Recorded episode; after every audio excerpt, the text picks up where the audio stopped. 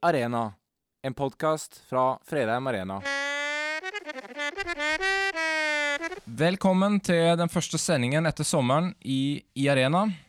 Jeg skisserte at tiden var moden for å bevege oss inn på døden, og her er vi, klar til å snakke om døden. Hva gjør den med oss? Hva med troen? Og hva tenker den når den svever mellom liv og død? Og hvor er Gud oppi det hele? Vi har med oss Irene Vasshus, som er kreftsykepleier og jobber på lindrende avdeling, psykiater Svein Skåland og ingeniør Svein Ove Særsten, som eh, selv har hatt en opplevelse av å sveve mellom liv og død, som jeg tror skjedde mens han var styrleder på Fredheim. Men før vi for alvor går inn i døden, så må vi berøre sinnet vårt først. Siden vi har med deg, Svein Skåland, så må jeg gripe muligheten til å spørre en psykiater om en ting jeg har lurt på en stund. Eh, og det er jo hvordan vi er skrudd i sammen i forhold til sinnet vårt. Jeg har jo aldri lagt noe mellom at jeg nok er en melankoliker. Eh, selv om jeg nok ikke er en ekstremt melankoliker. Eh, men jeg kjenner jeg, jeg blir langt mer berørt av f.eks. kunst og kultur som på en eller annen måte berører det mørke, enn gladhistorier og positive ting. Og så føler jeg meg av og til litt rar når jeg gjør det, men så klarer jeg ikke å, å la være, for det er bare sånn jeg er. Og på musikk så er det helt gjennomgående for meg. Musikk som spiller på glede, berører meg svært sjeldent, mens er det noe mer melankolske musikk, så gir det inntrykk.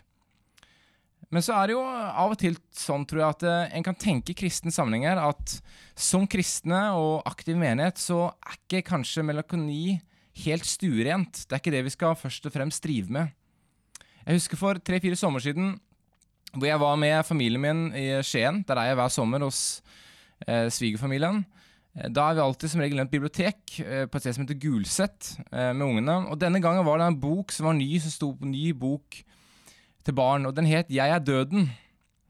Og jeg, synes den boken var så fin, om en liten jente som sykler rundt og da møtte døden på ulike steder, for å forklare for barn da hva døden var, og hvordan det kunne se ut. Og jeg hadde så lyst til å låne denne boken med meg hjem, men så tenkte jeg jeg kan ikke ta med meg denne boken om døden hjem til svigermor og sitte lesen for Victoria, som nå var fire-fem år. Jeg, jeg, jeg, tenkte det, det vil være utafor, så jeg lot det være.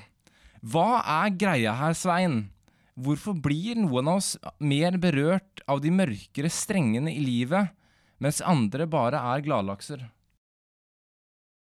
Det enkle svaret på det tenker jeg er at eh, vi er så veldig forskjellig skrudd i sammen som mennesker. Og Derfor så er det òg veldig forskjellig hva vi blir berørt av. Men du spør jo hva er det Nei, ja, hvorfor er det sånn? Hvorfor? Og da tenker jeg at uh, det handler veldig mye om at det dreier seg om arv og miljø. Uh, og det er vanskelig å si hvor mye arv spiller inn, og hvor mye miljø spiller inn. Men eh, de fleste er enige om at arv spiller ganske mye inn. Men så er det jo igjen så vanskelig da at selv om du eller jeg eh, har foreldre som begge er melankolikere, så betyr ikke det at det er sikkert at jeg blir melankoliker. Og, og, vi ser at uh, i en søskenflokk som jo har samme opphav, nei, så er det uh, stor forskjell. Stor variasjon, ja. Ja, stor variasjon. Så derfor er det slett ikke så enkelt at uh, vi arver alt her. Og, og, vi vet jo at uh, dette med miljøet, det som møter oss gjennom livet, og hvordan vi møter utfordringene vi kommer opp i, det har kolossalt mye å si. og, og, og da vet alle som har vært borti litt uh, psykologi, at uh, særlig de første leveåra mm. har veldig mye å si. Mm. Men òg uh, livshendelser seinere opp gjennom livet. Men, men, sier du da at det er to, måte, to veier inn i det? Det ene er hvis du, har, du er arvig anlagt for å på en måte være litt melankolsk, og det andre er hvis du ikke nødvendigvis er det, men du da har um, opplevd ting som gjør at du, du, det slår ut? Ja, jeg, men jeg tenker nok, eh, siden vi legger ganske mye vekt på arv her, sånn at det må være en, en komponent av det, men den trenger ikke være så stor. Nei. Men så, hvis eh, Ja, si du har da alvorlige livshendelser som gjør at uh, livet fortoner seg veldig mørkt og vanskelig, mm. så, så, vil det kunne spille inn alle det vi hørte om i dag på Dagsnytt. Det som skjedde i Tyskland, en mor dreper fem unger. Mm. Der lever videre en gutt på elleve år. Hva gjør dette med han, altså? Det mm. kan vi lure på. Men det, Nå er jo dette dramatisk, ja, ja, ja. altså, men det bare illustrerer, tenker jeg. Ja. Hva, hva, tenker du om Kirken, da? Altså, eh, og min vurdering av at uh, Jeg tror kanskje vi snakker da særlig om uh, litt sånn ungdom, unge voksne. Uh, men, men og, og, litt Altså kanskje ikke først og fremst Den norske kirke, det vil nok variere litt tror jeg, i kirkesamfunnene her. Men hvor det oppleves at melankoli ikke nødvendigvis harmonerer så godt med det å være kirke. Um, har, de, har, du rett, tror du? Altså, har, tror de har rett, de som tenker sånn, eller, eller tenker de for smalt? Ja, jeg tror de, de tenker for smalt. Men eh, når du bruker det ordet melankoli, så kunne det kanskje vært nødvendig å, å sett på hva vi, legger i det. Mm. For du eh, snakka om i din innledning, at det er det du blir lett berørt av. Mm. Og det er ei fine side, altså. Ei viktig side. Men hvis vi går på melankoli som et av de fire temperamentene, som det heter, som var en klassifikasjon som vi fikk allerede i, ja, i oldtiden, faktisk, mm. så, så er melankoli Eh, et eh, begrep som omfatter litt mer enn akkurat bare det vi blir berørt av da. Og så, og så har vi tre andre, da. Det lyse og det lette sinnet. Vi har det som vi kaller kolerikerne, de som gjerne er litt eh, lett eh, irritable, de som er litt dynamiske, ivrige, står på.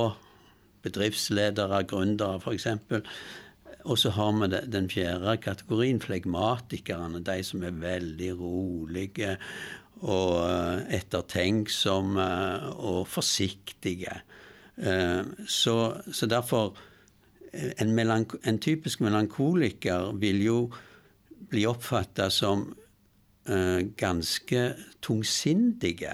Ja, altså ja. ja og, grublende gjerne lett for å, å bekymre seg om ting og sånn, så det, det går uh, litt vidt.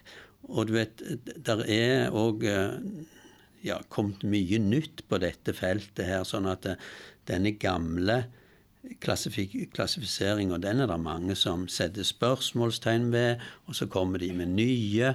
Så det er, eh, det er et ganske komplekst ja, begrep. Ja, for, det, for jeg tenker når du, når, du måtte snakke om Melkonino, så tenker jeg at da da ble jeg usikker på er jeg egentlig melankoleriker. Ja, helt riktig. Fordi jeg, jeg, blir jo bare berørt av kunsten og kulturen, ja. og, og det, det, blir jeg mye mer berørt av. Berørt av de litt, det litt mer mørke. men jeg, men jeg kjenner meg ikke, jeg er jo ikke veldig bekymra, f.eks.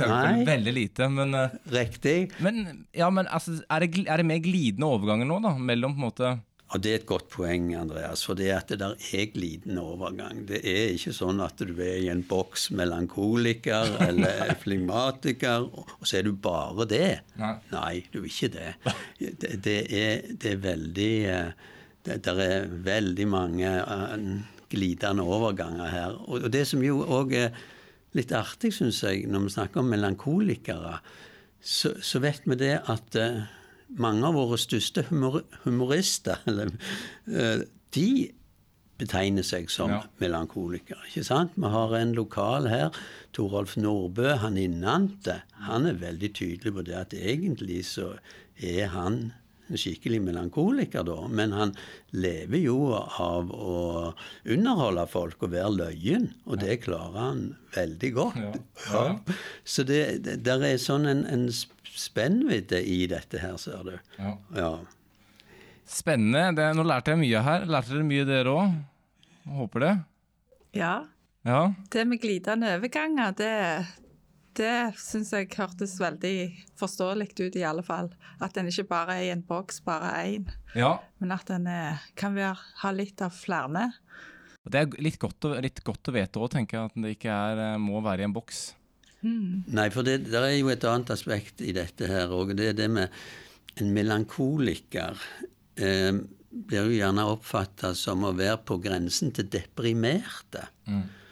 Og, og, og det er jo ikke så godt hvis en eh, er så tungsindig da at det, det slår over i det som vi kaller en klinisk depresjon. For da, er det et problem. Mens det å være melankoliker i seg sjøl, sånn som du beskriver det, Andreas, at jeg blir mer berørt av de mørke strengene her, eh, det er jo bare fint, det. Ja. så, så bra. Det var jeg glad for å høre fra psykiater. fra psykiater. Um, men, men kirken, da, er det eh, Tror du det er altså, Opplever du det som et problem? At kirken er vært for opptatt av altså at, at de ikke klarer å se de mørke sidene. Um, og de menneskene som på en måte kanskje ser litt annerledes på livet enn Nei, jeg syns vel ikke det er, min erfaring, fordi du vet eh, Der tales mye om det at eh, Nei, ja, Jesus elsker alle, vi må få være den vi er. Altså fra talerstolen kommer dette, syns jeg, veldig klart fram. Og vi har Jesu ord. ikke sant? Han gir oss et nytt bud. Dere skal elske hverandre. Og vi skal elske hverandre om vi er melankolikere, eller hva det måtte være. Men det er klart, de som har et lyst og lett sinn, de, de har det jo litt lettere i sosiale settinger, ikke sant? Og da tenker jeg òg særlig på ungdommen. Eh, ikke lett å være ungdom i dag, tenker jeg. Og, og, og der, eh, der kan vi gjerne tenke etter at vi må se de som uh, mer eh, har denne her litt uh, mørkere grunntonen i sinnet sitt. og, og uh, mer følsomme og ikke eh, like så, så godt å, å være i fokus. Og, og så kom vi inn på et annet aspekt her, som det jo har vært sagt og skrevet en del om i det siste. Og det er dette med ekstrovert og introvert, som jo er en annen side av sinnet. Og, og det har vært eh, Jeg tror det er skrevet bok om det, hvor vanskelig det er å være introvert i kirka. Fordi Og det henger gjerne sammen òg litt med, med melankolikeren, at han er gjerne mye mer innadvendt da. Og det, vet du, ikke så lett. For, for vi skal være egentlig sånn som vinner andre, ikke sant? Vi skal like å se de nye og se alle rundt oss. Og det Nei, det er ikke lett for den som er innadvendte. Så det aspektet tror jeg òg er veldig viktig å, å løfte fram. At jo, vi har lov til å være innadvendte. Vi har lov til å trives best i vårt eget selskap. Det er der vi henter liksom energien. Det betyr ikke at vi ikke kan være sammen med andre og, og trives, men for mange er det tappende i lengden. Ja. ja, det stemmer det. Det er jo en faktisk fra Sandnes som har skrevet den boka. Ja, det, det så. Um, ja, for jeg, jeg, ser jo det jo i, i kirkelige sammenhenger, og i forhold til dagene, så er det klart at uh, i påske blant annet er jo veldig sånn spekter. Altså I kirkens uh, høytid, og for meg er jo den langfredag er jo Hvis jeg ikke får gått på alle påskedagene, så, så prøver jeg å få med langfredag. For det er et eller annet med den dagen um, som er så spesielt, syns jeg. Så vil mange si første påske, da. Men for meg så tenker jeg første påske hadde ikke hatt en betydning hvis ikke det var for langfredag. Eh, hvor det valget ble tatt, og hvor på en måte han faktisk ga sitt liv for oss.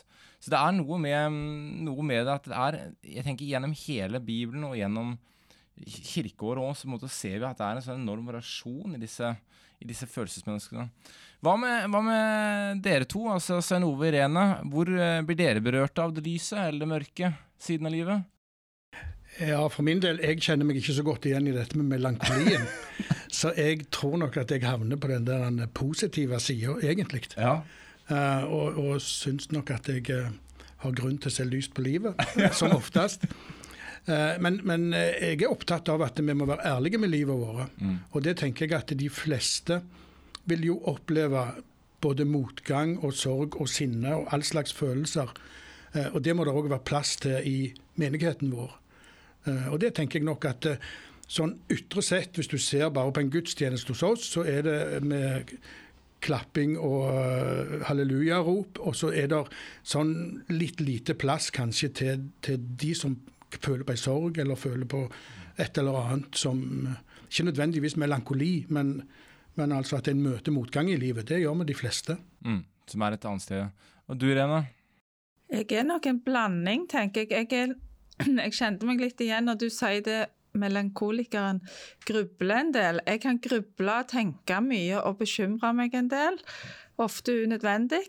Mens jeg er ikke sånn tung til sinns heller. Jeg liker å være med folk, jeg liker å snakke. Jeg har nokså lett humør, tror jeg. Så jeg er nok gjerne en litt sånn blanding, da, for å si det sånn. Ja. Ja, det er spennende.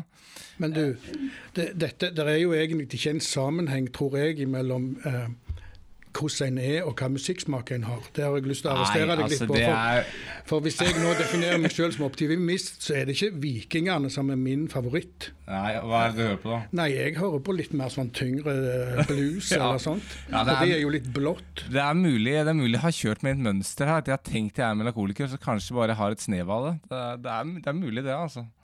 Veldig spennende, veldig spennende Svein. Eh, vi beveger oss videre inn i hovedtemaet nå, som, eh, som er døden. Ehm, og jeg tror vi starter med deg, Irene. Du jobber jo som kreftsykepleier på en lindrende avdeling. Uh, jeg har jo ganske jevn kontakt med en av dine sønner, med flere av de for så vidt, men spesielt med en av de.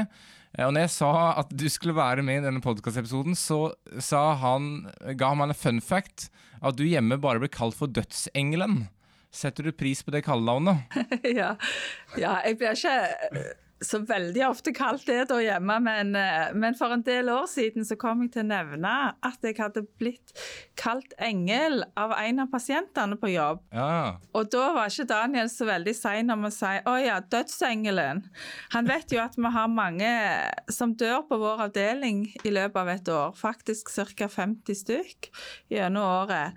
Eh, jeg vet ikke om jeg helt liker navnet, for jeg er, jeg er ikke en kreftsykepleier som fremskynder døden, for å si det sånn, men jeg ønsker å være med og lindre fysiske og psykiske plager som en alvorlig nei, kreftpasient kan ha.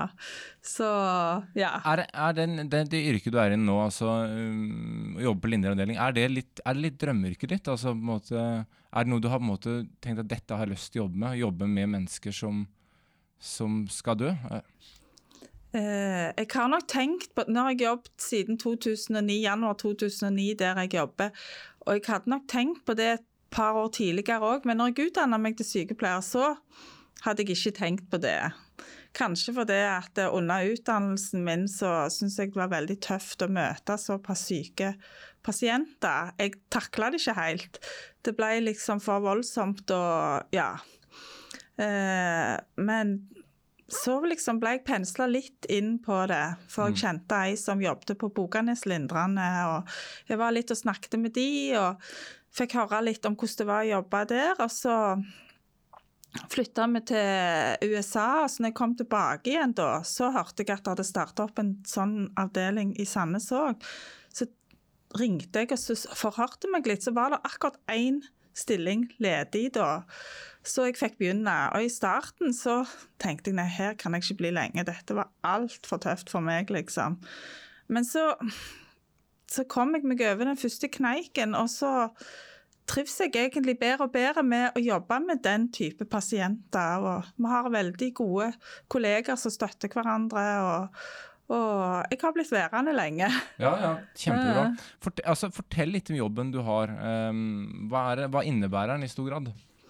Ja, altså på vår avdeling altså Det høres jo litt fælt ut når jeg sier 50 dødsfall i året. For veldig mange av de som kom, eller en del av de som kommer til oss, er der òg bare en periode fordi at de ikke kan reise rett fra sykehuset hjem. Men så er det jo hos oss en periode for å komme seg litt til hektene etter å ha vært på sykehuset, så reiser de hjem igjen.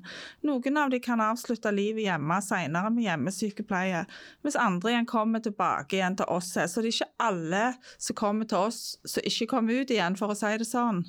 Eh, Jeg syns det er litt viktig å poengtere, for ellers er det jo ingen som våger å komme til vår avdeling. Um, Men vi har syv, eh, plass til syv pasienter pasienter.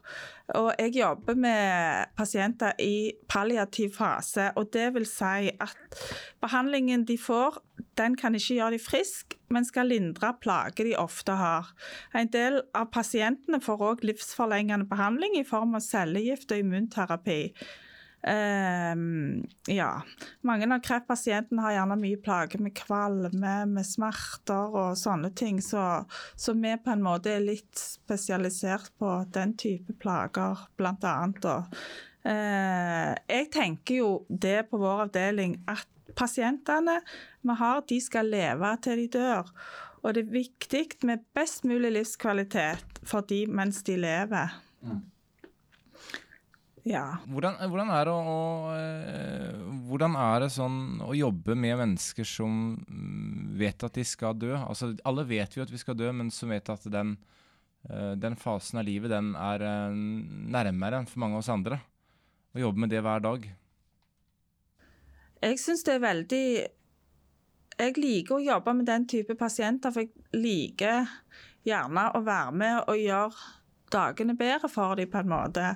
Og jeg tenker, Vi bruker jo en del humor i jobben vår. Så, og sånne ting. Det er ikke sånn at det bare er trist på vår avdeling. Mm. Jeg har jo hatt pårørende som har sagt, hørt pårørende som har sagt at det er så godt å høre at dere ler. Mm. Og vi bruker litt humor med pasientene òg. Altså, det er veldig god lindring for pasientene når de kan le litt når vi tuller og tøyser. Så, så på deres premisser, selvfølgelig. Eh, jeg ser jo det at pasientene våre de tenker gjerne ikke alltid på at de skal dø altså snart. De, de på en måte ønsker å leve, sant mm. vel? Og de ønsker å, å ha verdifulle dager for det om at de skal dø. For eksempel ja, jo, Det er jo pasienter som har hatt forening hos oss i stua. Sant? Bestilt inn mat og hatt venninner som har kommet og hatt forening. Og, og, vi prøver å legge til rette hvis de vil hjem ei helg, at de skal få ei grei å organisere sånn at de får ei grei helg hjem, gjerne på permisjon. Og hvis de vil i en konfirmasjon, at vi legger til rette sånne ting òg. Mm. Og ja. Så jeg føler, jeg føler, Vi jobber jo med veldig syke pasienter, men jeg tenker at det, de lever. Mm, og, at de skal ha gode dager mens de lever. Mm. Så. Er de takknemlige for å ha Merker du at du jobber med mye mennesker som er takknemlige eh, i forhold til å ha dere rundt, rundt seg?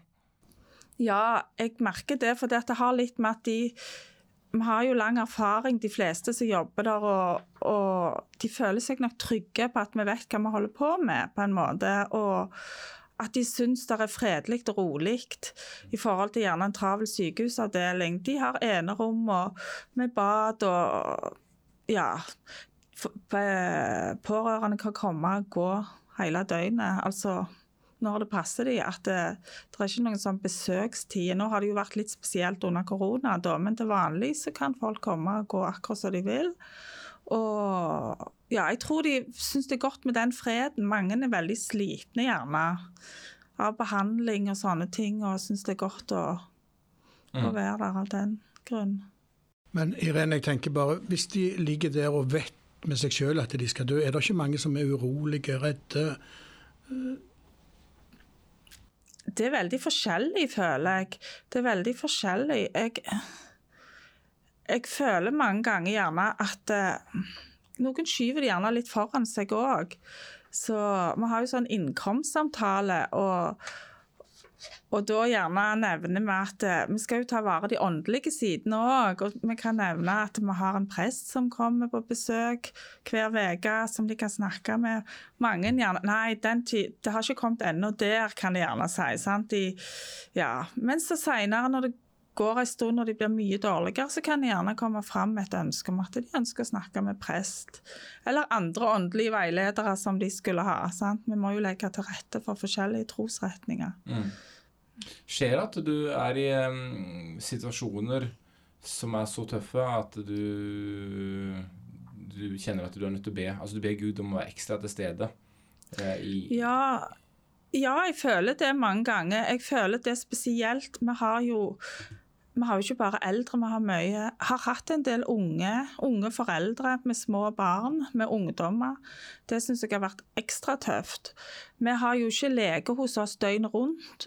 Uh, vi har gjerne lege som vi kan ringe til, men i helgene står du alene, gjerne som sykepleier, og kveldene kan du være Eller vi som regel gjerne to sykepleiere på kveldene, da, men vi står jo alene uten lege. og jeg har syntes det har vært ekstra tøft de gangene jeg har måttet si til Forklare barn og ungdom at nå dør mor eller far snart. De er ikke alle som ser de tingene vi ser, og forstår det gjerne ikke, men da må du gjerne ta de til side og så forklare at nå, nå, dør mor eller far snart. Det er gjerne snakk om timer. Det syns jeg er veldig tøft. Ja. Det synes jeg, Men så vet jeg det er så viktig for de òg å få vite det. Mm. Og få være hos mor eller far den siste tida. Mm. Mm. Så da kan jeg mange ganger gå hjem, og da ser de jo at jeg er stille og rolig hjemme, og at jeg ikke sier så mye alltid. og da kan jeg gruble og tenke litt. Og... For da forstår de, forstår de da hjemme at nå har du vært ja, gjennom noe som Ja, de ser når jeg ikke sier så mye når jeg kommer fra jobb, at jeg gjerne har, har hatt litt tøffe dager. Mm.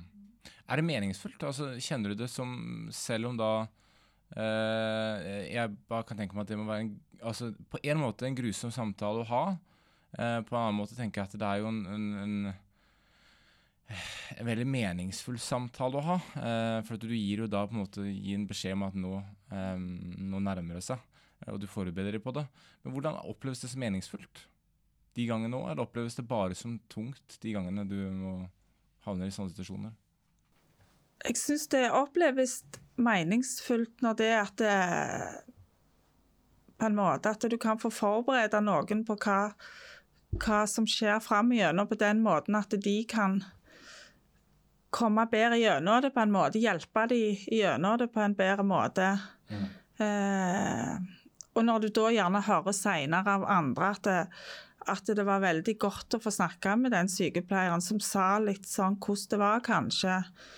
Eh, det er jo spesielt ungdom gjerne som kan si det, så, så, vet du at du gjerne har Om du har formidla et trist budskap, så har det vært viktig for den å få høre det. Ja. Og det, det, oppleves meningsfullt, så eh, jeg, jeg, er litt sånn Jeg tenker på um, hospice eh, Jeg har litt sånn hospice-filosofiens tankegang med meg. Og, og, de pasientene hos oss de, som er der til de dør, da, de, det er så viktig for at de får en opplevelse av en, en grei død. Og det er like mm. viktig for pårørende. For de skal leve videre. Det er ei som heter Sissel Saunders som er eh, ja, palliasjonens mor, vil jeg si, hun har sagt det at hvordan mennesker dør, forblir som viktige minner hos de som lever videre. Det som skjer de siste timene før et menneske dør, kan leke mange tidligere sår, eller forbli som uutholdelige erindringer som forhindrer veien gjennom sorgen. Så det er liksom litt den tanken jeg har med meg, at det er viktig i den jobben vi gjør. At, at for de som lever videre òg, at de vet at eh, mor eller far eller søster eller bror de har hatt det best mulig den siste tida. Mm. på en måte, Så godt som en kan gjøre det. Mm. For det er viktig for veien videre gjennom sorgen, for de som sitter igjen òg. Ja. Um, hvilke refleksjoner har du gjort deg rundt uh, hva det å dø gjør uh, med livet? Altså, for døden blir jo på mange måter en grense. Um, nå sier du at du har jobba der siden 2009, så du har jobba der i elleve år. Eh, jeg vil anta du har tenkt altså, Har du tenkt noe på det? Hva, når du jobber rundt det, på en måte, hva, hva, hva tenker du rundt det? Døden er jo en grense. Vi skal jo alle dø en gang. Og jeg tenker at den grensa kommer med en gang der vi står på dødens terskel. Men jeg er veldig opptatt av at eh, for at jeg skal klare å jobbe der, så tenker jeg at jeg lever Nei, jeg er frisk inntil det motsatte er bevist. Og at det, ingen av oss får mer enn én dag om gangen. Og, og, jeg tenker at eh, de som er hos oss, ja, de har gjerne kort forventa levetid. Men ingen av oss vet om vi lever i morgen heller. Vi kan bli påkjørt av en bil, vi kan dø av et hjerteinfarkt. Jeg er veldig opptatt av å ta én dag om gangen og gjerne glede meg gjennom hver dag. og Jeg liker veldig godt å strikke, se en film, altså gå en tur. Altså leve litt hver dag. Og det tror jeg den jobben jeg har, har lært meg litt. At jeg ser gleden i de små ting, ikke alltid bare tenke fram igjennom. Mm. Og døden kommer en dag, og den kommer til oss alle. Men i dag og nå lever jeg. Mm. Jeg har jo selv hatt min mor på, på den enheten uh, og sett den betydningen dere har, altså det, dere sykepleiere, i at dere er der, pleier, snakker vennlig, uh, møter både pårørende og, og da uh, den som er i ferd med å forlate livet, og som egentlig merker det går nedover på. Så jeg tenker at jeg, jeg ser jo, og sånn, På ut, utsida så ser jo jeg at det, dere har en enorm viktig rolle inn i mange menneskers liv rundt de rundt de som er i ferd med å, å, å dø. Da. Eh, Ut ifra ditt ståsted som kristen, Irene, hva, hva, gjør med, hva gjør det å jobbe med så mye død med din tro? For som kristne så, så tror vi jo at, måte, at, selv om døden er en grense, eh, så er det likevel en grense som eh, hvor for den som tror, det kommer et liv etterpå. For meg så er det jo veldig viktig å vite at det, det ikke er bare de dagene her på jorda. For egentlig i et evighetsperspektiv så er et liv her på jorda veldig kort. Og, og, jeg tenker det at jeg er veldig glad for at eh, mitt liv ligger i Guds hender på en måte. Han har talt dagene. Og jeg har fått tildelt mine dager på en måte. Og, og jeg syns det er veldig trygt å vite. Og jeg syns det er trygt å vite at det, eh, godt å vite at jeg har noe i vente. Det er ikke bare dette livet her, men jeg har et håp om et liv etter døden òg. Det syns jeg er veldig godt å vite. Mm. Gjør, gjør, troen det lettere for deg å stå i den jobben, tror du? du... Det tror jeg faktisk, ja. Jeg tror det. Mm. Det, det, gir en ekstra trygghet. Ja. Uh vi går videre til deg, Svein Ove. Uh, du har selv erfart uh, usikkerheten uh, og denne endelige grensen eh, tett på livet. og så dermed kan si noe rundt hvordan det er å oppleve det sjøl. Du var jo styreleder. Stemmer det at du var styreleder på det øyeblikket? Ja. Ja. og aktiv å bygge fellesskap her. Det her var vel også i den tida hvor vi flytta fra, altså hvor Fredag flytta fra det gamle bedehuset og så opp hit? Eller var det litt etterpå? Ja, dette var, vi må tolv år tilbake i tid på dette. Det var i 2008. Jeg tror vi bygde vel her i 2005. Ja, stemmer det. Ja. Og så, eh, så, blir livet plutselig veldig annerledes. Eh, du havner inn i en kamp for å bevare livet. Fortell litt av det som skjedde. Ja, da må vi som sagt tolv år tilbake i tid. Men um, før den tid òg så hadde jeg slitt en del år med en sykdom som en kronisk tarmsykdom som heter ulcerøs kolitt. Uh, og den uh, gikk litt i bølgedaler. Av og til så var jeg helt god, andre ganger så var jeg ganske så dårlig. Så da på høsten, og spesielt julen 2007, den husker jeg som at jeg lå mer eller mindre krokete på en uh, sofa i nærheten av toalettet, og, og det, da var jeg ikke god. Og da hadde de egentlig på sykehuset prøvd med, med, masse medikamenter, og det, kroppen min responderte ikke godt på det i det hele tatt. Så jeg var dårlig. Så da fant de ut at uh, det som er med ulcerøs kolitt, den er bare i tykktarmen. Det er noen andre sånne kronsykdommer som går på hele systemet. Så, så hvis du fjerner tykktarmen, så tar du egentlig sykdommen vekk. Så det ble bestemt at uh, det var siste utvei for meg. Det var rett og slett å legge ut uh, tynntarmen og ta vekk tykktarmen. da. Så det var jo en operasjon som de bestemte da tidlig i januar 2008. Og det er en forholdsvis stor operasjon, men det er jo ikke noe veldig svært sånn sett. Eh, det er en sånn kikkhullsoperasjon som de gjorde da. Problemet var nok at eh, det gikk nok noe gale der, så når jeg våkna opp igjen på oppvåkningen etter den operasjonen der, så ble jeg ganske fort veldig dårlig. Og da hadde det altså en lekkasje av sånn tarmvæske ut i bukhulen min, og så fikk jeg noe som heter sepsis, og en sånn en skikkelig forgiftning. Og da eh, Ja, da, da ble jeg uh, fryktelig dårlig. Og, og, litt av grunnen til at jeg ble så dårlig, var nok at jeg var veldig nedkjørte på forhånd. Så, så immunforsvaret mitt var nok ganske så dårlig. I alle fall så så det ble en god del sånne reoperasjoner, og de prøvde flere ganger å operere meg, og det gikk ikke bra. Så til slutt så la de meg i koma. Så sånn kort fortalt så, så lå jeg Jeg hadde det som de kalte for multiorgansvikt. Og da er det egentlig det var bare hjertet som funka. Resten var egentlig eh, mer eller mindre stoppa. Men de, de la meg i koma. Jeg lå totalt tre måneder i koma da uten at de hadde over 40 i feber i alle disse månedene. De visste ikke helt hvordan de skulle få dette til. De sendte meg til Haukeland midt i dette her med sånn sykehusfly. og Så rest, siste behandlingen fikk jeg der oppe da. Så totalt så var jeg seks måneder på sykehus. Men jeg kom meg jo gjennom det. Eh, men når jeg våkna opp, eller når de vekte meg av denne komaen, så hadde altså kroppen reagert med å ødelegge nervene mine. Så, så det er noe som kalles for polinevropati, da, som, eh, som hadde slått inn. Så jeg var i praksis lam nesten fra halsen og helt ned. Men det er ikke en sånn en termin, terminerte skade, holdt jeg på å si. Så det er på en måte noe som heter myelin, som ligger rundt nervetrådene. Som på en måte kan lege seg sjøl, iallfall inntil et visst punkt. Så derfor så hadde jeg jo et håp om å på en måte komme meg iallfall et stykke på vei bedre. Og jeg ble jo bedre med opptrening da fram til sånn som jeg er i dag, der jeg er nesten god. Jeg har litt uh, bare nedi anklene som ikke, der er, på en måte nerven ikke fungerer helt. Så jeg, jeg springer ikke så fort, men jeg går godt. Men, men du, du, merker fortsatt at du er prega av, av, det som skjedde i dag? Um, jeg har litt smerter, og litt sånn nervesmerter, og litt sånn, så jeg, jeg har jo noen men av dette. Mm. Men jeg, jeg, sier jo det både til meg sjøl og andre at jeg lever jo et veldig godt liv nå. Mm. Så sånn sett så har jeg eh, kommet meg. Jeg er i 100% arbeid. Og, og, det har vært veldig viktig for meg å få lov å komme tilbake igjen og, og jobbe på vanlig måte. Du, eh, eh når du hva tenkte For det, det, var sikkert et øyeblikk der hvor du forsto at det dette er ikke sikkert jeg overlever. Ja. Hva, hva, tenker, hva tenker en da?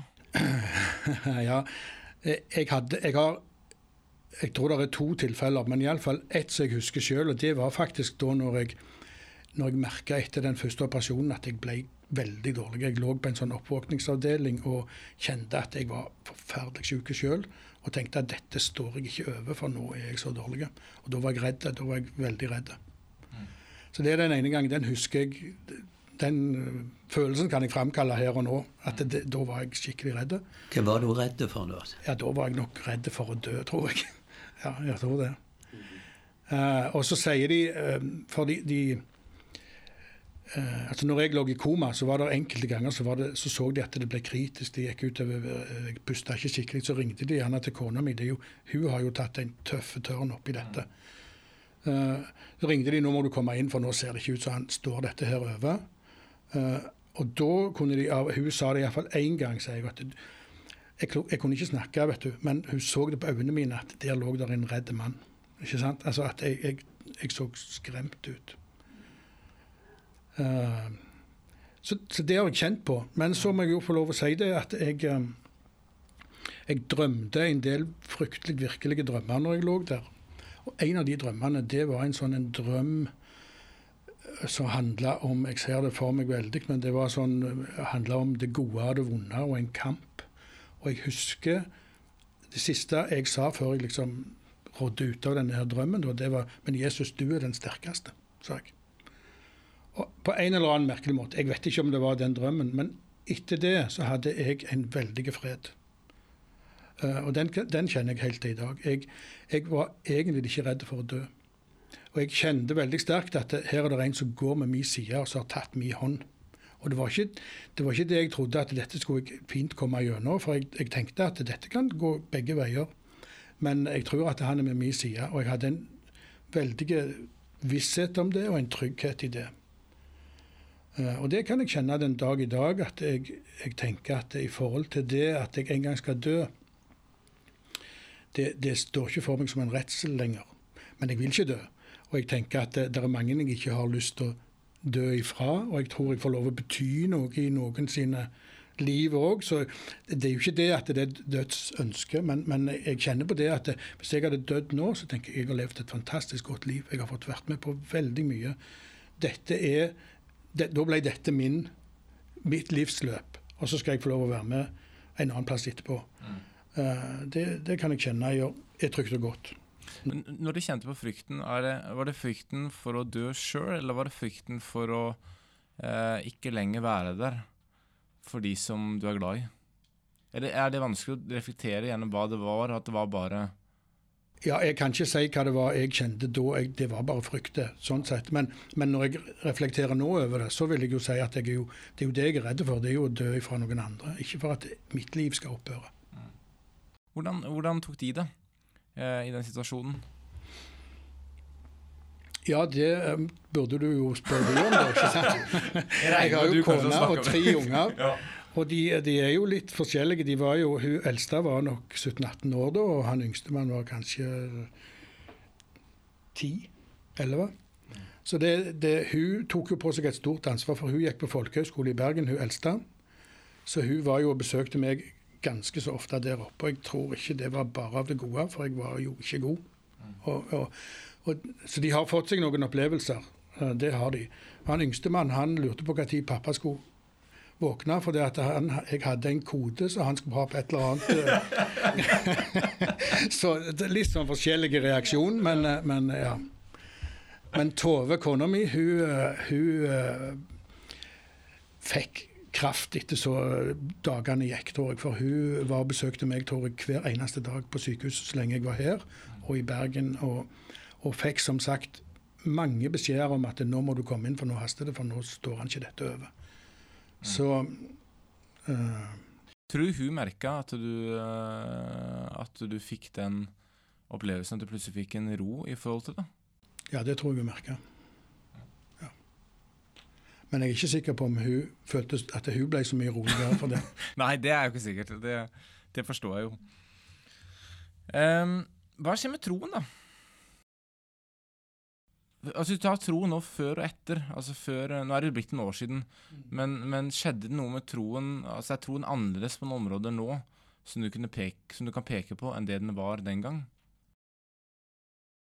Ja, nå har jeg allerede sagt litt om det at jeg fikk en trygghet, og det tenker jeg eh, var jo på en måte noe nytt. Men, eh, eh men det har endra seg på en annen måte òg. Men da tror jeg jeg skal fortelle litt mer om eh, Eh, litt en bakgrunn. For det at jeg var, som sagt, som du sa, formann på Fredheim. Det var en stor forsamling med 200-250 mann eller et eller annet sånt. Eh, jeg var et kjent fjes, ikke sant? og jeg ble skikkelig syk og dårlig. Det var mange som ba. Kolossalt mange, tror jeg. Og jeg, jeg har fått hilsener fra verden rundt, der liksom det, vi, vi, hadde deg oppe når vi snakket om deg i Kenya og i eh, Sør-Amerika. Så det var en veldig bønnering og, og, Tove fortalte en gang når hun hadde ringt til Runar, pastoren vår her på Fredheim um, En gang hun inn, ble kalt inn på sykehuset og sa nå var det liksom eh, måtte du komme inn, for nå var det kritisk. Når dette kunne lett gå galt. Så ringte hun til Runar, og da ringte han rundt. og da var det På en halv time så var det jeg tror jeg 30 mann her oppe som satt og bar for meg. Og jeg kom jo gjennom det. Um, så, så, og jeg har fått, eh, Det er flere som har kommet med, med bibelvers, altså ord som de har fått. Der det f.eks. så sier Jesus til Lasaret at denne sykdommen skal ikke føre til døden, men skal bli til velsignelse. Det er det iallfall med to forskjellige tilfeller så har det kommet. Uh, så sier jeg det litt som en bakgrunn for det at det, når jeg møtte det, når jeg kom på en måte rullende i rullestol til å begynne med opp her på Fredheim, så sier jeg det er fantastisk, dette er et under. Du, ikke sant? Det, det, men det har jeg hatt litt problemer med å ta til meg. Og, og det er noe som har endra trua mi litt, faktisk. For det begynte, tror jeg, med at jeg snakket med en av de kirurgene, en kir kristen kirurg som hadde operert meg flere ganger. Og han sa at du er klar over det at du hadde ni tær i evigheten, sa han. Ja, så sier jeg tror du det kan ha noe med det at, at det er så mange som har bedt for meg? Så svarer han det kan jeg ikke si, sier han. For det at jeg har sett folk i din situasjon som klarer det, og jeg har sett de i din situasjon som ikke klarer det. Og så blir det på en måte sånn et åpent spørsmål. Og jeg har måttet liksom jeg tror jeg har måttet endre gudsbildet mitt litt grann, til altså ta inn over seg dette her, at det er ikke så enkelt som denne her barnslige tryggheten som jeg føler når Jesus går med min side hver eneste dag. Jeg tror det er riktig, og det er godt å kjenne på. Men samtidig så tenker jeg det er fryktelig mye vi ikke forstår. Og jeg vet, og det står i Bibelen, at Gud er rettferdig. Ja, det er altså ikke rettferdig at han eh, holder meg i live, mens det er et, et rop fra Syria som, som, ikke blir besvart. Ikke sant? Altså, her er det her er det noe som vi ikke forstår, og som jeg, jeg har litt problemer med å ta til meg dette her, at han, han uh, har helbreda meg. jeg, jeg, har det. Mm. Ja, for du, du, nevnte det for meg tidligere, og det synes jeg var spennende at du ville ta opp. Eh, og når du sa det med rettferdighet, så tenker jeg det, det er litt interessant, for som teolog så vet jeg at det der er jo veldig Akkurat det med Guds rettferdighet er, liksom, er diskutert i teologien, fordi at eh, spørsmålet er jo hva er, hva er rettferdig? Eh, kan vi bedømme Gud, om Gud er rettferdig ut ifra vår målestokk på rettferdig? Eller er det på en måte at Gud på en måte opererer på en helt annen målestokk på hva som er rettferdig og ikke? For det, det er, liksom, Livet er jo, og livet og tro tenker jeg, det er, det er jo fullt av paradokser. Nå skal ikke jeg si at, at, at det ikke stemmer, men, men, når du sa at det var veldig spennende, fordi at eh, du opplevde det ikke sånn, så tenker jeg at eh, ja, Eh, veldig, jeg synes det var veldig interessant. Jeg, jeg, jeg, har jo ikke noen sånn teologiske bakgrunn. Nei, nei, men det altså, altså, Min teologi Jeg har jo en, jeg har jo en sånn ei verselinje som jeg forholder meg til jeg nå. mm. Den er jo kjent for alle. Og den heter 'Min båt er så liten, mm. Og havet så stort, men Jesus har grepet min hånd'. Der syns jeg det ligger begge disse tinga. Både at min båt er liten og havet er kjempestort. Det er masse jeg ikke forstår, men jeg vet at Jesus har grepet min hånd. Og det, i den, det spenningsfeltet der, det får jeg lov å leve. Det, ja. Men eh, spennende. Hvis du ser på en måte da Hvis vi går bare litt inn på det der Hvis du ser folk rundt deg som, som, som eh, Rundt helbredelse sånn, tenker du at det, det, er, det, er, vanskelig generelt, eller tenker du at det var, er fordi det var deg at måte, da blir det ekstra vanskelig når det er meg?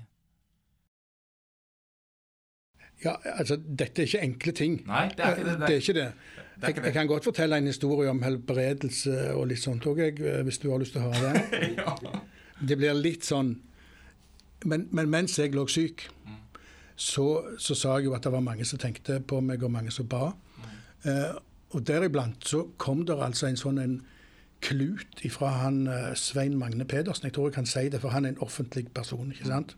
Ja, Noen hadde snakket med han og han hadde dryppa noe olje eller et eller annet på en klut og sagt at 'legg denne på det vonde sted'. Dette fikk Tove og søster mi. Og de kjenner meg litt ifra før. Så de vet at dette her er ikke min vilje, ikke sant? men jeg lå jo der og kunne ikke forsvare noen ting. jeg. Så da lurte de på skal vi gjøre det, skal vi ikke gjøre det. Ikke sant? Og så syntes de det var litt flaut, for plutselig så kom der en sykepleier da, og, og liksom så hva dette er for en klut som ligger der, liksom. Så de sneik seg til da, liksom, mens sykepleieren var ute, så la de denne kluten på brystet mitt. Uh, og så etter en halvtime da, så tørde de ikke mer, så tok de den vekk. Og det Ja, jeg skal jo ikke påstå verken det ene eller det andre, jeg, men eller jeg påstår vel kanskje at jeg ikke, tror ikke den virker bedre enn noe annet. Nei, nei. Den har jeg brukt som bokmerke etterpå. Ja, ja, men det er greit. Da har du, da har hun, da har hun tross alt med deg. Um, ja um, når du ser tilbake nå, uh, hva har den perioden her eh, av livet gjort med livet ditt, ikke bare troen din? Ja, altså han har jo endra livet mitt ganske mye. Jeg, jeg var jo fryktelig aktiv i uh, Fredheim-sammenheng på den tida. Så jeg fikk meg jo en, en skikkelig pause. Uh, og det tror jeg var veldig godt. Det var godt for det at jeg jeg hadde nok vært så engasjert at det gikk litt utover både kone og unger tidsvis. Så jeg hadde godt av en sånn en ristart. Så vil jeg jo nok si at jeg, jeg er glad i å påta meg oppgaver, så jeg, jeg havner nok fort uh, oppi litt det samme, men ikke fullt så mye, iallfall. Ja. Men, men uh, ja. Ellers så vet jeg ikke om det har forandra meg så veldig mye. Men jeg, jeg, um, jeg tror dette med, dette med det endra gudsbildet gjør at jeg forstår Jeg er ikke så firkanta lenger, hvis jeg kan få lov å si det. Jeg er ikke sånn dogmatiske Eh, for det at jeg ser at her er det så mye som jeg ikke forstår. Her er så mye um, uklart for meg, i alle fall. ikke sant? Og så tenker jeg at eh, jeg får lov å være en kristen, selv om jeg på en måte, det er så mye jeg lurer på, og så mye jeg ikke forstår. Så tenker jeg at jeg misforstår sikkert òg mye. Og hvis det er noen andre som har misforstått noe annet, så trenger ikke jeg slå dem i hodet med noe hardt. For det at det, det, da er vi i grunnen i den samme båten, begge to. Så det er litt viktig for meg dette at uh, denne pekefingeren og dette fordømmende, det håper jeg iallfall at jeg har fått lov å legge litt vekk. Ja. Hvem er Gud når det virkelig røyner på, da? Opplever du, eller har du opplevd? Ja, jeg opplever han både som en far og som en uh, bror. Som går med ved sida. Det, det, kan jeg kjenne på daglig. Det, det er noe som jeg får lov å hvile i. Og det kjennes veldig trygt. Hva tenker dere, Svein og Rena, når dere hører historien? Jeg syns det er veldig spennende å høre historien. Og jeg, jeg syns uh, det verset du hadde, var dyp teologi. Uh, min båt er så liten. Jeg likte den veldig godt. og jeg forstår deg veldig godt i det du sier om at jeg ser hvor lite jeg egentlig forstår, da. og Gud er så mye større enn min forstand. Det vet ikke jeg hva Andreas sier det, men for meg er det god teologi, altså. Ja, jeg er helt enig, og det var derfor jeg ville ta det opp med deg. For jeg hørte du snakke om det her med, med det rettferdighetsgreiene, så tenker jeg at det, det er veldig interessant. Eh, fordi at eh, når du står i det sjøl, så, så en ser jo da alle de verdensproblemene rundt omkring. Og så hvorfor skulle Gud akkurat bry seg om, om meg eller det lille her? Men samtidig så er det ikke alltid vi klarer å forstå Gud. For at vi, vi klarer ikke å gripe inn fullt og helt, så han kan nå på en måte gripe inn noen steder samtidig som andre steder hvor vi skulle ønske han greip inn, så, så er han kanskje der, men han er på en annen måte. Jeg vet ikke. Altså, det er jo Ja. Nei, jeg, jeg kjenner litt faktisk i forhold til dette med himmelen òg, jeg. Mm.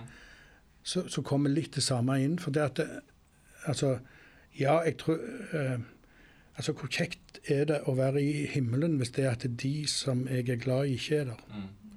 Ikke sant? Altså, eh, det, det, er noe her som er kjempevanskelig. Mm. Jeg hadde jo, eh, Siden du kom i himmelen, så kan jeg jo si det før jeg skal mm, snakke litt med deg, Svein, her nå. Men eh, når mamma døde, det er vel blitt eh, to og et halvt år siden Himmelen har alltid vært litt vanskelig for meg å begripe. Altså, Jeg har alltid slitt med det. Eh, og aldri, kan ikke si jeg gleder meg spesielt mye til det heller. Og så plutselig så kommer en situasjon hvor den du er aller mest glad i, eh, at det plutselig skal du miste henne.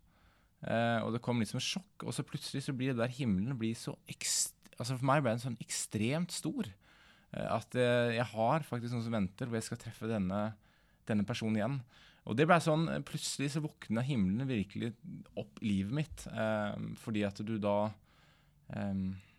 du vet hva det innebærer. Du vet at du skal få lov å forhåpentligvis se de igjen, de som du er glad i. Svein, eh, hva er din eh, objektive erfaring som, psykiater eh, av døden gjør med etterlatte? Min erfaring er at eh, det er veldig forskjellig. Det er jo veldig avhengig av alderen på den som dør, alderen på den som er sørgende. Hva slags forhold hadde jeg til vedkommende?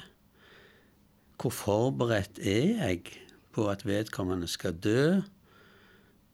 Og eh, hvilke forhold har jeg sjøl til døden? Så det er veldig mange ting som spiller inn. Og som Irene var inne på herrene, så, så, står det for meg òg som at det er når, når, unge dør Barn er jo for meg aller verst, altså. Men òg ungdom eller folk i sin beste alder som gjerne har små unger og sånn. Nei, det syns jeg er, er, så fælt. Eh, det hører ikke hjemme noen plass. og, og det blir vanskelig òg i forhold til Gud for mange. Der er, jeg kjenner folk som har liksom mista troa på Gud når de opplever det. Og eh, det er jo òg eh, sånn at noen får det så vanskelig når de mister et barn, f.eks. At nei, de klarer ikke reise seg etterpå. Og det, det har jeg forståelse for. Men så, så tenker jeg på, på sånn som det er, for det er veldig forskjellig. Det er hovedsvaret. Men for ikke så lenge siden så fikk jeg høre et intervju med biskopen i Agder, Stein Reinhardsen. Og han hadde opplevd det at han mista far sin helt plutselig da han var 14 år. Og det kan vi tenke er et ganske stort tap og et stort traume for han. Men det var veldig fint å høre han fortelle, for hans opplevelse var at jo, det var vondt, men uh, han hadde fått mye godt av faren sin. Han hadde gode familier, og han hadde kristentrua. Så han kom seg på en måte gjennom dette her. Så, så hovedutsagnet var på en måte det er ikke synd av meg. Uh, jeg har sluppet å oppleve at dette her blir et sår for livet. Men men det, det, er altså veldig avhengig av alderen, tenker jeg, på den som dør. Og så tenker jeg jo at heldigvis så er det sånn at uh, de fleste som dør da, er i min aldersgruppe oppover. Jeg er passert 70, så og I Bibelen står det jo at levetida vår er 70, og 80 hvis styrken er stor, står det. Så, så jo, det syns jeg vi må være forberedt på, både som, som uh, personer sjøl, som vi òg har hørt her. Vi vet vi skal dø, og, og, det er godt å tenke gjennom det. Absolutt. Men jeg uh, mista mine foreldre da når de var henholdsvis 82 og 85 år. Og jeg syns uh, Nei, det var i grunnen ganske naturlig. Uh, så det ja, det var vondt der og da. Jeg hadde perioder. Jeg hadde husker spesielt eh, Det var en gang det kom over meg eh, med, med strigråt, men ellers var det ikke for meg den store sorgen. Um, men jeg har jo vært borti folk, uh, f.eks. Uh, ektepar der, uh, der uh, den ene mister sin ektefelle da. Og det blir veldig vanskelig. Så, så det avhenger veldig mye av hvor, uh, hvor nært den er knytta til hverandre. Hvor avhengig er jeg av den andre? Hvor forberedt er jeg? Hvor mentalt forberedt er jeg? Men òg praktisk forberedt er jeg på det å bli aleine. Så Men, men, men der er, jo de som virkelig går inn i en uh, så stor sorg at det preger livet i, i veldig lang tid. Men så må jeg jo òg si at jeg har vært borti de som føler det som en befrielse når ektefellen dør. De har ikke hatt noe godt ekteskap. Og, og da, da, blir det faktisk opplevd som en lettelse. Men det er gjerne ikke så lett for de da for omgivelsene, for da er det gjerne en forventning om at ja, men du skal jo sørge nå, og du skal være trist. Men det, det, en snakker veldig lite om det. Ja, Uh, altså det blir en det blir en litt ensomhet uh, inn i det, men uh, og, og, en lettelse, da. Mange kjenner jo på, og det nevnte jo Svein Ove her òg, kan kjenne på frykten, altså på følelser av frykt for å dø. Hva er det Hva, er det, hva kommer det av? Ja, jeg tenker det kommer av at det, det er jo for oss mennesker sånn at vi, vi er bundet til livet. Vi, det, er det, det er den tilværelsen vi kjenner til, det er den vi liker. Og det med døden er Ja, det er grenser, som det er sagt. Det er noe veldig definitivt. Eh, det er over og ut. Eh, og det vet vi, vi som har sett døde folk. Det, det, er veldig dødt og kaldt og fjernt. Så, eh, så jeg syns det er helt naturlig at vi, vi kjenner en frykt i, i, forhold til døden da. Ja, for det, da er det en frykt for, eh, for det som du Kanskje det at du Det er veldig endelig, og så vet en ikke helt hva som heller kom på andre siden. Eh, og, det er litt av det neste spørsmålet jeg hadde lyst til å stille. og det Er er det mer vanlig blant de som ikke tror på et liv etter døden, og kjenner på dødsangst, enn de som er religiøse? og Da tenker jeg ikke bare på en kristen tro, men religiøse generelt. Er det forskjell der, eller forholder det seg helt likt? Jeg har ikke sett noen undersøkelser på det, så jeg, jeg, jeg kan ikke eh, presentere noe vitenskapelig der.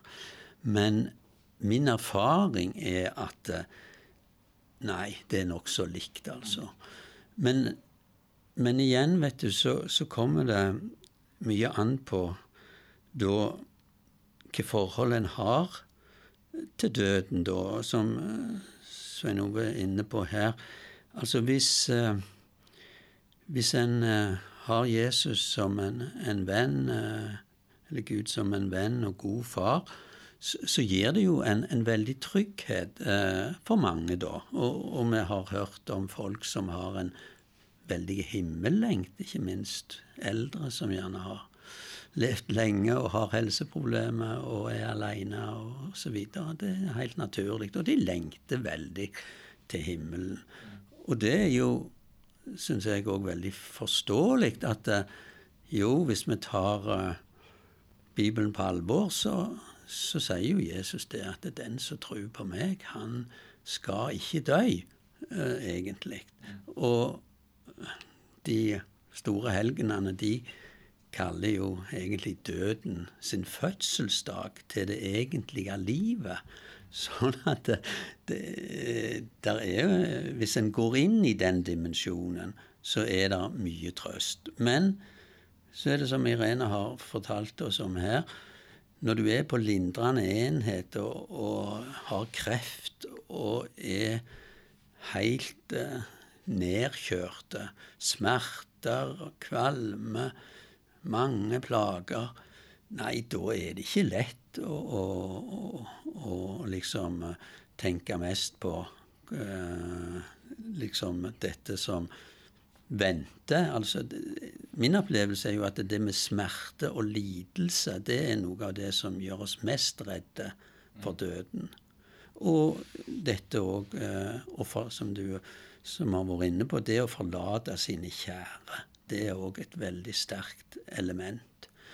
Eh, og så er det jo mange som er, er, veldig glad i livet, men så er det òg de som da jobber med det spørsmålet hva møter meg etter døden? Og det kan òg kristne gjør. Og vi har jo alle hørt òg om anfektelsene en kan få, ikke sant?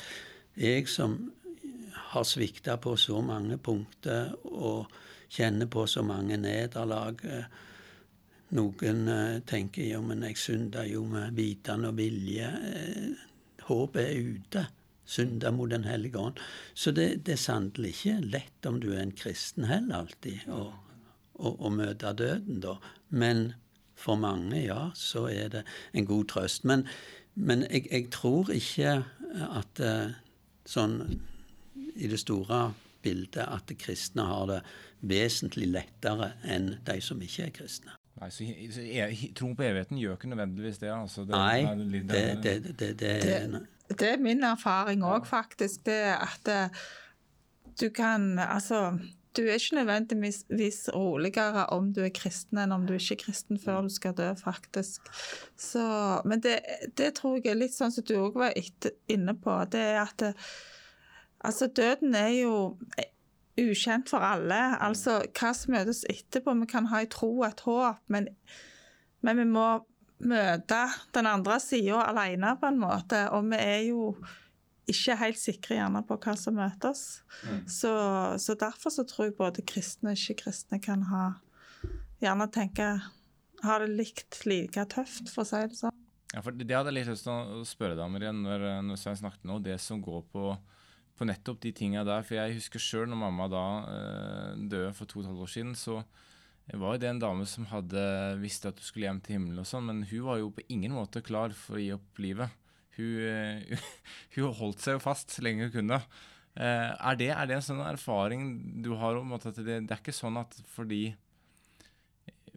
fordi at den er kristen, at den da på en måte nå ser at det går mot slutten. OK, la meg komme til himmelen. Men den prøver fortsatt å klamre seg fast til Ja, nå, kan, nå har jo jeg taushetsplikt, jeg kan ikke si noe Nei, om de mor, forstår- men jeg sier generelt at det, ja, min erfaring er det at eh, jeg føler at eh, de som er på vår avdeling, de ønsker på en måte å leve så lenge de kan. Altså de er glad i livet om de er alvorlig syke og, og sånn. og kan legge planer, selv om vi ser hvor dårlige de er, at nei, dette klarer du aldri, liksom. Så kan de allikevel ha planer fram igjennom som vi ser er helt urealistiske. Og vi kan jo ikke ta håp ifra de heller. Så ja. For de fleste er glad i livet. Og for alle så er det ukjent. Det vi går til når vi dør. Selv om vi har ei tro, tenker jeg, så har vi ikke vært på andre sida. Tusen takk for um, samtalen. Da tror jeg vi takker for oss uh, for denne gang. Jeg har lært mye, uh, både faglig og av levd liv. Uh, så takk til Irene, til Svein og Svein Ove for at dere tok dere tid til å komme og dele deres liv og erfaringer rundt det som går på døden. Dette var episode ni. Jeg regner med at vi er tilbake om ikke altfor lenge. Og da lurer jeg på om vi kanskje skal snakke litt om det å bære masker. Og late som alt er flott og fint, når det kanskje egentlig ikke er det. Til vi er igjen på lufta, adjø. I Arena, en podkast fra Fredheim Arena.